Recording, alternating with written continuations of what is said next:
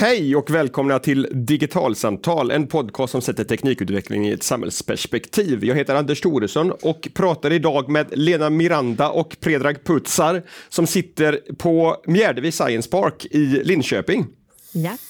Hej. Och eh, bakgrundsbruset det beror på att ni sitter där i en, i en aktiv miljö med fullt med studenter runt omkring er och vi hoppas att detta ska bli en inspelning som ändå funkar för er som lyssnar.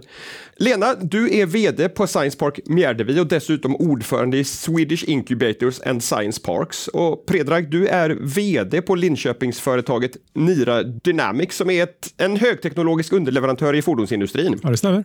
Vi ska prata om ett arrangemang som ni, Lena, tog initiativ till som gick av stapeln tidigare i höstas som heter Global Impact Jam, en, en vidareutveckling utav alla de här hackathonsen som finns runt om i, i landet och i världen och där Nira var, var det företaget som deltog med, med utmaningar att lösa. Men först Lena skulle jag vilja att vi pratar om vad egentligen en science park är och vilken roll de spelar i det svenska innovationssystemet. Ja, en science park det är en form av strategiskt planerad utvecklingsmiljö kan man säga som förenar företag, akademi och samhälle i olika former. Och det är en miljö där man delar kunskap och där man stimulerar till framväxten av nya företag och innovationer. Och här i Linköping i Science Park Mjärdevi så är vi ungefär 400 företag och 7000 personer som jobbar. Och vi ligger granne med Linköpings universitet. Och det här är också en miljö som attraherar väldigt mycket talang och nya etableringar och där vi som oberoende aktör kan vara med och koordinera olika typer av offentliga och privatfinansierade samverkansprojekt av olika former. Så att man kan säga att det är en, en innovationsmiljö med väldigt mycket inslag av möten och eh, öppen innovation och samskapande. I hur stor utsträckning handlar det om att kommersialisera forskningsresultat från akademin och hur mycket är liksom andra typer av idéer?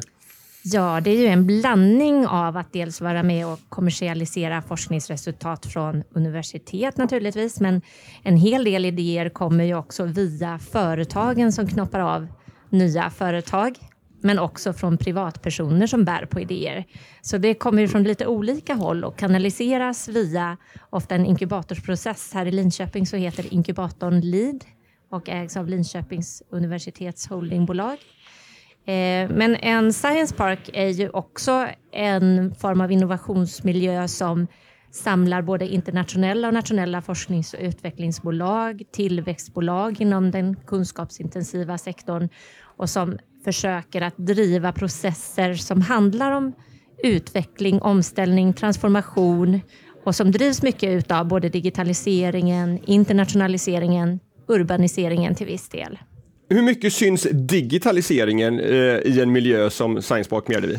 Ja, just här i Mjärdevi så är ju den gemensamma nämnaren eh, mjukvaruutveckling och hårdvaruutveckling, inbyggda system och uppkopplade system. Så den syns nog väldigt mycket just i Mjärdevi. Men det kan se lite olika ut på olika håll i landet. Men eftersom mm. vår profil handlar väldigt mycket om, om IT i olika former så är den högst central här. Global Impact Jam, vad, vad handlade det om?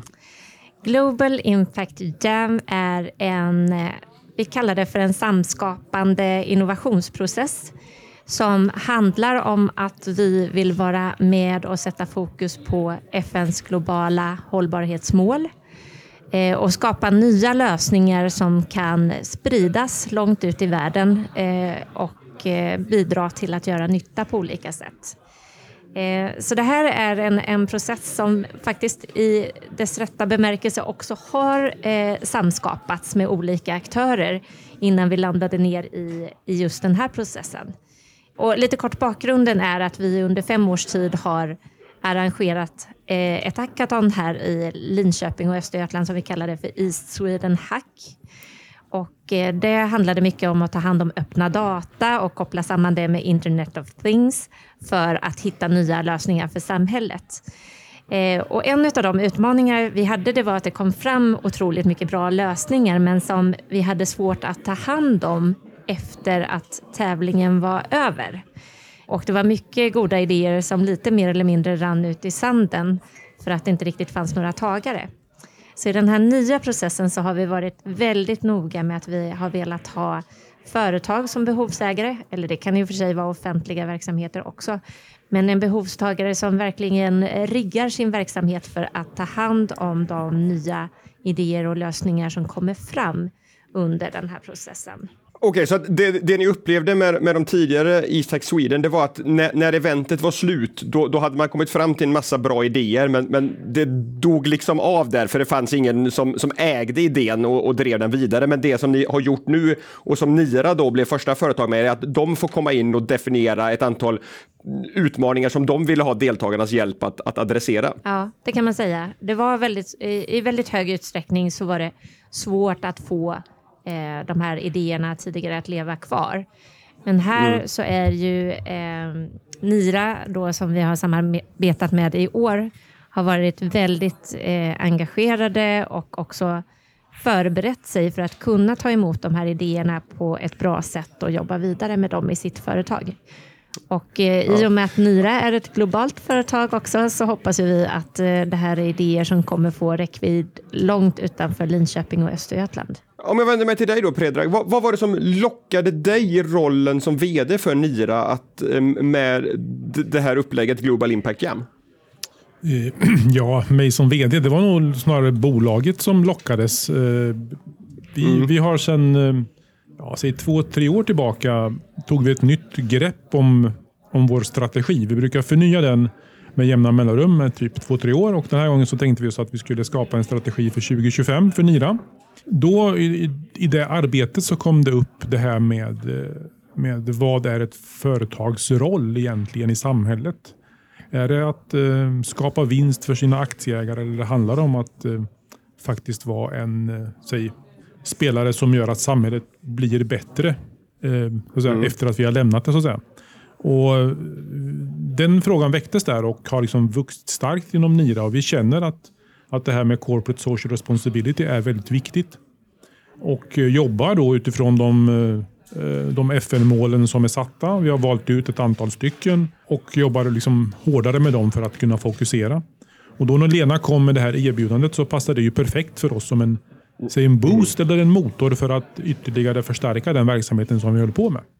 Så det var, det var ganska enkelt tycker jag, att, att hoppa på det här. Mm. Ni kom till bordet med, med, tre olika fokusområden om jag har förstått det rätt. Det handlar om, om könsaspekter, det handlar om rekryteringsprocess och, och ett mer decentraliserad ar, arbets, arbetssätt. Ja. Ja, det stämmer. Och, och egentligen så, så blev ju det liksom ett resultat av en diskussion.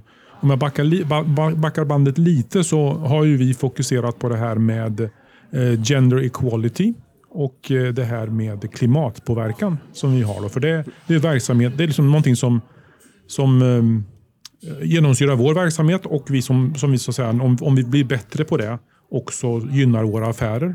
Så det, det, kan man säga var våra fokuspunkter innan vi gick in i det här och ut kom då det här med att kunna jobba decentraliserat. Eh, det betyder ju dels att vi kan jobba tätare med våra kontor som vi har runt om i världen och kunna resa mindre och därmed kunna minska vårt klimatavtryck. Men även det här med köns, eh, könsnumerär, att få egentligen mångfald var väl nyckelordet. Att få in mer av olikheter i företaget. Kvinnor, viktigt. Men även annat, som andra nationaliteter och, och liknande. Så att därav kom de här två, tre områdena som vi så att säga, fokuserade på. Hur jobbades det med de här fokusområdena under den här helgen? Under helgen. Det var, det var kaotiskt och väldigt dynamiskt. Det var ju ett gäng. Jag var, alltså det här är första gången jag har upplevt något sånt. Det var ju ett gäng på 20 plus helt olika personer med olika bakgrund. Allt från doktorander, studenter, folk i näringslivet som tog sig tiden att komma till oss och jobba med oss med olika bakgrunder som, som då eh, men eh, som var då eh, modererade av, av ett par, ett gäng från Cybercom var de va? Som mm. höll i själva så att säga, processen. Och eh, ja, Man började med en brainstorming i början. Eh, satte lite ramar kring det i och för sig. Och sen eh, ja, gjorde man prototyping och man, man skissade på, på, på lösningar. Man, man presenterade lösningar i form av teater och allt möjligt. Alltså Det var väldigt dynamiskt och väldigt bra. D därför ambitionen var precis som med de flesta andra hackathons att, att faktiskt i, i slutet innan man går hem ha, ha åtminstone visat upp en prototyp för, för den, den, den, arbetsprocess som man har gått igenom under de tidigare 24-36 timmarna. Det stämmer bra. Och, och jag trodde ju aldrig att det skulle hända, men, men det gjorde det. De hade ju faktiskt bra grejer på plats. Liksom. Till exempel en, en ja, jag kan ta ett exempel. Där de, vi, vi, pratade, vi pratade innan när vi förberedde oss mycket kring det här att Nira uppfattas som ett bolag inom automotive, inom fordonsbranschen. Det vill säga, de som jobbar där det är killar som gillar bilar. Eh, och mm. Så är det ju inte. Vi jobbar ju med mobilitet och, och framförallt hållbar mobilitet. Och Hur brandar vi oss? Hur når vi ut så att vi får in fler kvinnliga sökande? Och De gjorde ju liksom en reklamfilm tro eller ej, på de här timmarna alltså, som var riktigt bra. Där man helt enkelt berättar en annan berättelse om vad Niras teknologi hjälper till att lösa då gissar jag. Korrekt. De, hade, mm. de fick med även mångfaldsaspekten. Vi har ju sagt kontor lite här och var i världen. Och det var, ah, nu kan jag inte återberätta hela filmen, men det var liksom, den, den knöt ihop så att säga, både det och, och det här med att jobba distribuerat och det vi gör på ett väldigt bra sätt. Vad blev det mer för resultat? Ja, vi pratade ju mycket om det här med rekrytering. Hur ska man kunna rekrytera var som helst i världen? Vi har ju liksom en, en vi sitter ju en ankdam här i Linköping. Hur får vi hit de bästa talangerna i hela världen? Mm. Var, varför? Eh, vi har sedan jag vet inte, 1846 jobbat med CV och ansökningsbrev till, till tjänster. Mm. Eh, varför gör man det? Varför tittar man inte på personlighet? Eh, stämmer ens personens värderingar med våra värderingar? Kompetens på ett objektivt sätt. Varför spelar namnet roll liksom? Och varifrån personen kommer och vilka betyg som står där på vilket språk liksom i personens CV. Det, det är egentligen ganska relevant. Så att eh, en sån mm. typ av ny rekryteringsprocess har, har de skissat på som vi också kommer att plocka russinen ur. Så att säga. Och det sista då, decentraliserat arbete, för där tänker jag, där finns det ju redan väldigt många olika typer av tjänster och tankesätt kring, kring hur man kan lägga upp sånt. Gick det på, på en, en helg att komma på otänkta tankar och komma fram med något helt nytt. Ja, så just den, den biten kanske var den som vi nådde inte så långt med. Eh, det var mera så att säga, detalj, detaljuppslag som kom upp hur man skulle kunna så att säga, jobba på ett sätt som man lärde känna varandra bättre Ja, en del kanske var känt sedan tidigare, som till exempel att sätta upp klara spelregler, prata om kulturskillnader och annat, och annat i början så att säga, på ett projekt eller på ett samarbete. Andra var att ha saker som virtuella fikan när man, när man liksom träffas och informellt och, och ja, som vi gör i Sverige, fikar mm. helt enkelt bara ihop via videolänk och så. Men egentligen, mm. nej, det var, det var väl inte den, det var väl den där vi inte kom så långt på tycker jag. Jag tycker det, det, här är intressant med, med, med, hur deltagarna valde att, att adressera det här liksom storytellingen kring ett teknikbolag. Att, att för, för jag har dykt på liknande resonemang ganska många gånger här under hösten. Att man behöver, på något sätt för att väcka ett intresse för tekniken, behöver, behöver man sluta prata teknik i första mötet med andra människor, utan istället prata om vad är det vi vill åstadkomma, vad är, vilket är resultatet, vad är nyttan med tekniken, för att, för att sen gräva ner sig i det. Och det, det låter som att, att det var åtminstone vad deltagarna här landade i också, att, att tekniken är viktig, men, men det är inte den som får folk att bli intresserade av den. Nej, men det är väl så att det är väl liksom den, den, ska säga, det är väl helheten som är intressant. Det här, den här klassiken. Att det, är man är duktig på att bygga stenblock så är det nog ändå viktigt att man vet vad de ska användas till så att säga, till slut. Eh, och, och, I vårt fall mm. så är det ju det här med mobility as a service som kommer vara kärnan tror jag i våra affärer framöver. Och, och det, mm. Tittar man på våran, till exempel vår hemsida så är det ju fälgar och däck på den. Så, att säga. så att det, det är ganska långt ifrån den stora bilden. Vi är ganska långt ner i på sten och bum, stenbubblingsnivå så att säga, när vi, när vi presenterar oss.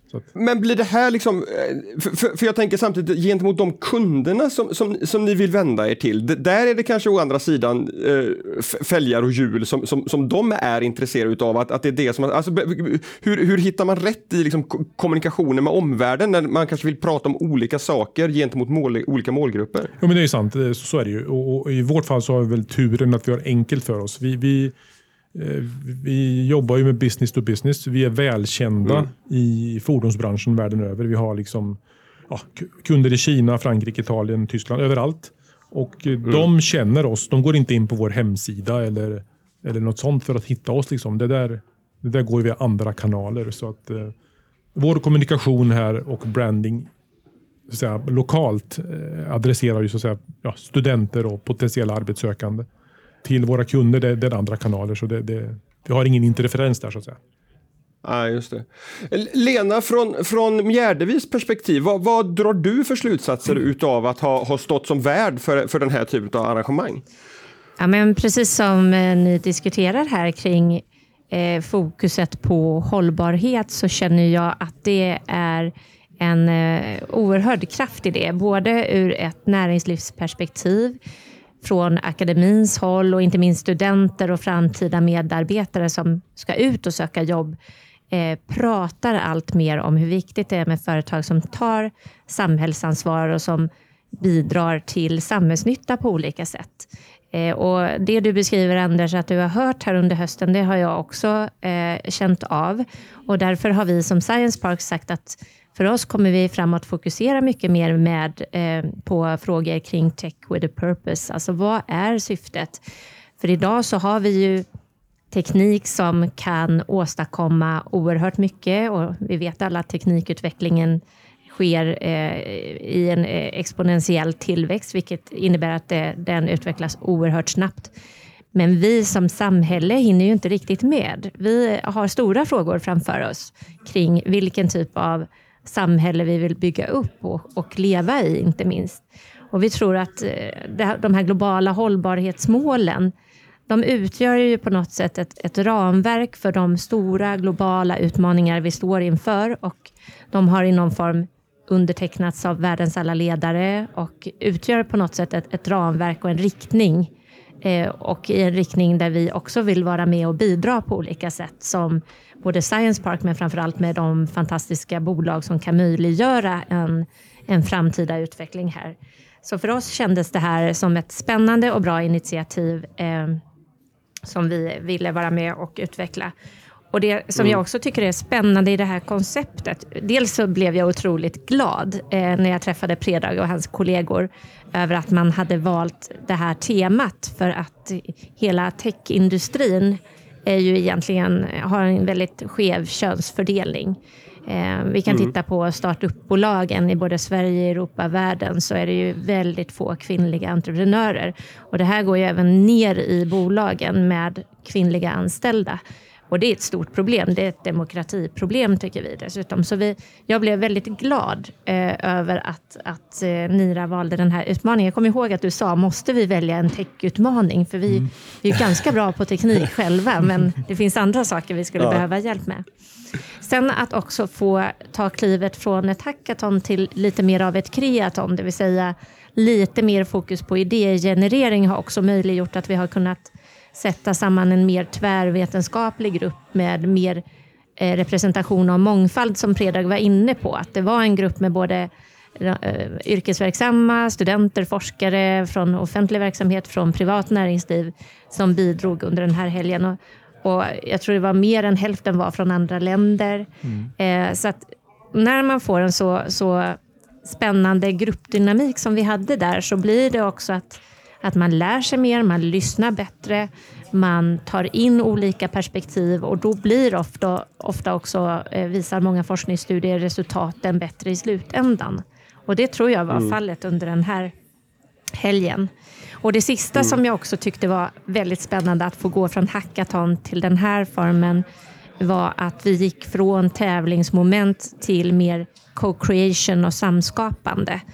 Och då byggde vi istället in en, en form av gamification eh, eh, trappa som man kunde ändå levla liksom i den här, i den här eh, inte-tävlingen så att säga.